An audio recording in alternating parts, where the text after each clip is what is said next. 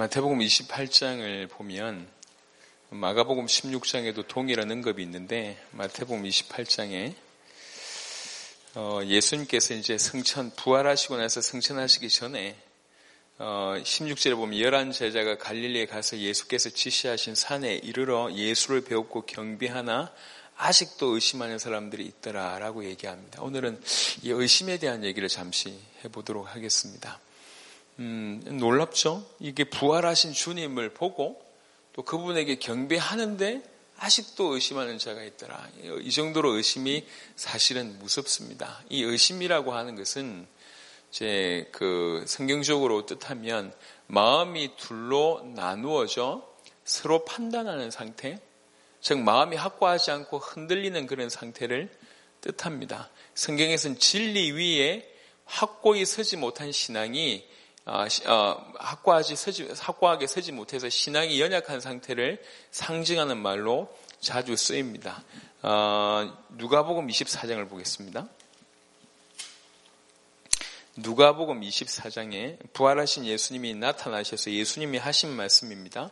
24장 36절부터 보시면 이 말을 할 때 예수께서 친히 그들 가운데 서서 이르시되 너희에게 평강이 있을지어다 하시니 그들이 놀라고 무서워하여 그 보는 것을 영으로 생각하는지라 예수께서 이르시되 어찌하여 두려워하며 어찌하여 마음에 의심이 일어나느냐 이렇게 얘기해요. 유다서 말씀을 보겠습니다. 요한계시록 바로 앞에 유다서 1장 1장 22절에 22절에 어떤 의심하는 자들을 극률의 얘기라라고 하는 구절이 있습니다. 여기서 의심이라고 하는 말이 믿음이 연약한 상태를 상징한다고 표현합니다. 이 의심이라고 하는 단어가 어 이제 구약의 어 히브리어로는 키나라고 하는 단, 킨아라고 하는 단어고요. 신약에는 디아크리노, 그다음에 디아프레오라고 하는 단어가 있습니다. 킨아라고 하는 이 단어는 어, 이 의심으로 번역되는 이 단어는 시기하다, 부러워하다라고 하는 뜻, 에 서 유래한 말로 아주 질투와 분개심을 동반한 의혹을 말합니다. 민수기 5장을 보겠습니다. 민수기 5장에는 어, 아내를 의심하는 어, 그런 남편에 대한 얘기가 나와 있습니다. 5장 14절에 5장 14절에 민수기 5장 14절 그 남편이 의심이 생겨 그 아내를 의심하였는데 그의 아내가 더럽혀졌거나 또는 그 남편이 의심이 생겨 그 아내를 의심하였으나 그 아내가 더럽혀지지 아니하였든지 그의 아내를 데리고 제사장으로 가서 그를 위하여 보리가루 10분의 1 에바를 헌물로 들이되 그것에 기름도 붓지 말고 유향도 두지 말라 이는 의심의 소제요 죄악을 기억나게 하는 기억의 소제라라고 하는 성경 말씀이 있습니다. 이게 그래서 질투와 분개심을 동반한 의혹을 뜻하는 단어가 קנאה라고 하는 단어입니다. 이것이 의심으로 어, 번역이 됩니다. 그 다음에 διακρίνω라고 하는 단어가 있는데 διά라고 하는 것은 강조를 뜻합니다. 크리노 이게 뭐냐 분리하다 라고 하는 합성으로서 철 분리하다 그걸 강조한 게 되기 때문에 철저하게 양분되다. 이게 마음이 둘로 나누어져서 서로 막 다투고 있는 그런 상태를 의심하다고 하는 겁니다. 로마서 4장을 보겠습니다.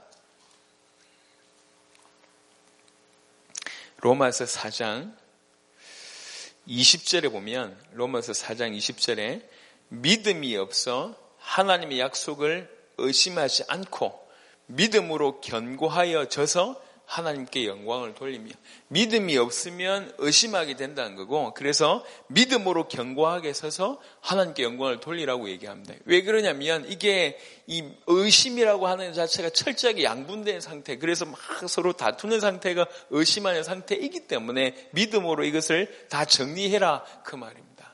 그리고 디아프레오라고 하는 단어도 여심으로 번역되는데 뒤에 아까도 얘기했듯이 이게 강조한 강조의 전치사입니다. 그리고 아프레오라고 하는 부분은 혼란하다는 뜻입니다.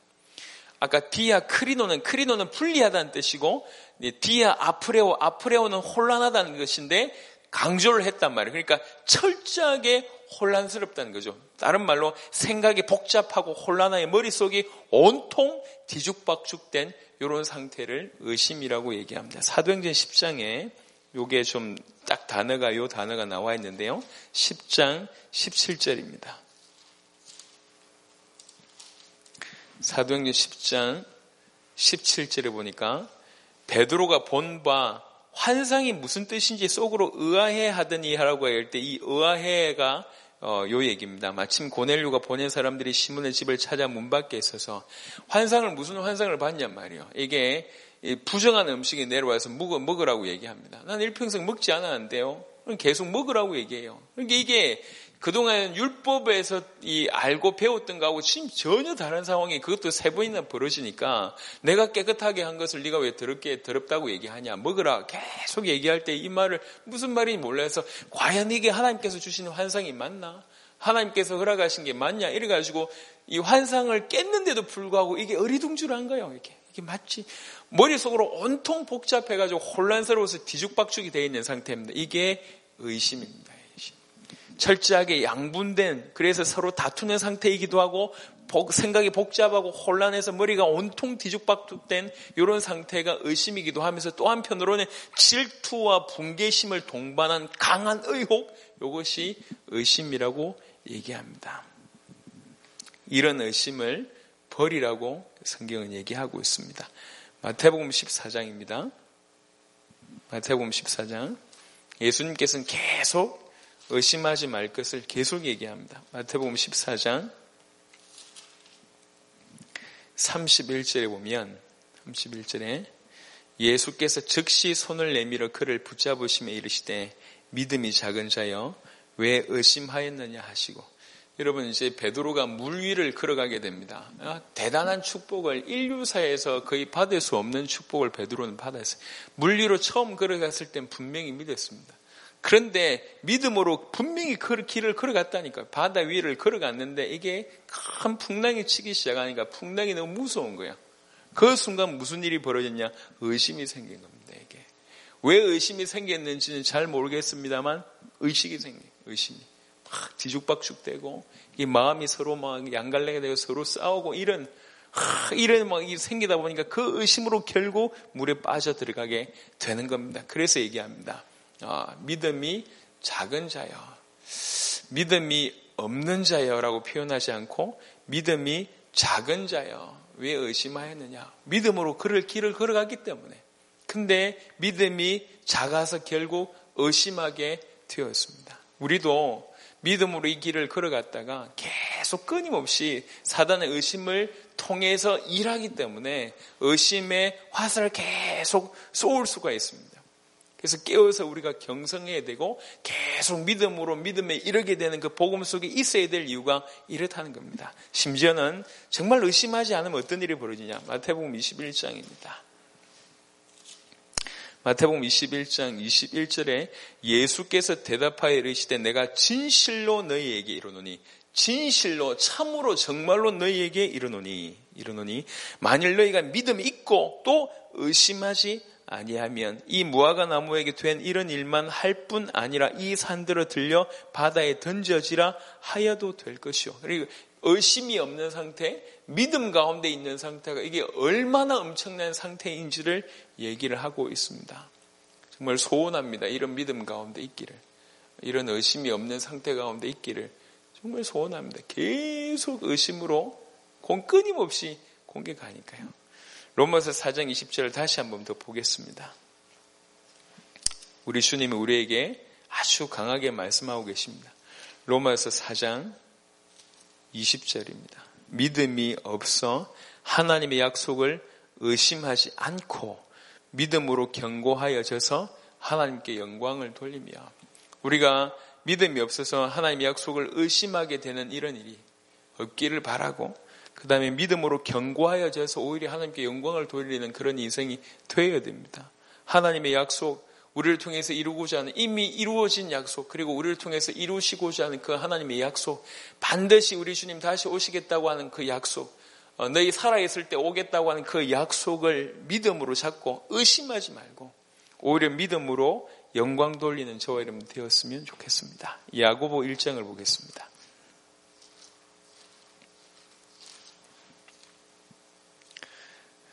야고보 1장 6절입니다. 야고보 1장 6절 오직 믿음으로 구하고 조금도 의심하지 말라. 의심하는 자는 마치 바람에 밀려 요동하는 바다 물결 같으니 이런 사람은 무엇이든지 죽게 얻기를 생각하지 마라. 두 마음을 품어 모든 일에 정함이 없는 자로다. 두 마음 이게 의심입니다. 두 마음을 품어 모든 일에 깨끗함이 없기 때문에 깨끗함이 없기 때문에 죽게 얻기를 생각하지 마라. 무엇이든지 얻기를 생각하지 마라. 그래서 강하게 얘기합니다. 믿음이 없다는 것은 의심을 한다는 것은 두 마음을 품고 있기 때문에 그 삶에 깨끗함이 없다. 주님이 그걸 아신다. 감찰하신 하나님께서. 그러니까 오직 진실로 믿음으로 구하고 조금도 의심하지 말라. 우리가 기도할 때 어떻게 기도해야 될지를 얘기하고 있습니다. 그냥 우리가 기도 제목 막 달달달 외우고 뭐 큰 소리로 부르시는다고 되는 것이 아니라 진실한 것은 의심하지 않는 거고 그다음에 진실로 믿는 겁니다. 믿고 의심하지 않고 구하면 하나님께서 큰 문을 열어 주십니다. 저와 여러분들이 이런 상태, 어, 의심이 없는 상태, 온전히 믿는 그런 상태가 되어야 되겠습니다. 지금 이미 구원받은 우리에게는 아, 구원이 폐기되지 않습니다. 아, 구원이 없어지지 않습니다. 한번 구원, 한 번 받은 영생은 그야말로 너무너무 엄청납니다. 중요한 것은 정말로 구원 받았느냐가 중요한 것이 구원 자체의 축복은 너무 어마어마합니다. 예, 그 구원받은 자에게, 그 구원받은 자에게 사단이 할 수 있는 것은 결국 속임 수밖에 없습니다. 그 속임수가 우리에게 통한다는 증거가 뭐냐면 의심이란 형태로 나타난다는 거죠. 이 의심이라는 것은 말 그대로 마음이 양분된 상태를 뜻합니다. 갈라졌다는 거죠. 그 안에 정함이 없습니다. 갈라져서 생각이 복잡하고 어, 뒤죽박죽되고 주의 복음을 위해서 어떻게 할 수가 없는 그런 상태가 되는 겁니다. 마치 바람에 밀려가지고 계속 떠내려가는 것처럼 떠내려간다는 거죠. 지금도 사단은 이 끊임없이 속이면서 의심토록 어, 일할 겁니다. 정말 하나님 앞에서 하나님 앞에서 계속 믿음으로 살아가기를 바라고 믿음으로 믿음에 이르는 축복이 있게 되기를 바랍니다. 의심이 통로가 되지 않기를 바랍니다. 의심하는 자들 정말 하나님 앞에서 하나님 앞에서 믿음이 연약한지 깨닫고 하나님 앞에 회개하고 믿음 달라고 더 기도해야 되겠습니다. 하나님의 약속을 이루어오는 이 일에 놀라운 이 하나님의 약속을 이루어가는 이 일에 의심을 통해서 무너지지 않고 오히려 우리가 의심이라는 것을 빨리 눈치채서 그걸 내려놓고 하나님께 기도함으로 더 믿음으로 견고해지는 축복을 같이 받았으면 좋겠습니다. 우리는 지금 너무나 큰 일을 감당하고 있습니다. 우리 힘으로 할 수 없습니다. 오직 믿음으로만 가능합니다. 다른 말로 의심을 버림으로만 가능한 겁니다. 의심을 버리는 저와 여러분 되시기를 그리스도 예수 이름으로 축원합니다. 살아계신 주님, 하나님 이 의심이 제거되기를 원합니다. 믿음으로 의심을 이기게 하여 주옵소서. 그래서 믿음이 있고 의심이 없는 자로 하나님 앞에 서게 하여 주옵시고 그래서 하나님의 큰 역사를 감당한 자가 되도록 축복하여 주시옵소서. 감사를 드렸고 우리 주 예수 그리스도의 이름으로 기도드렸습니다.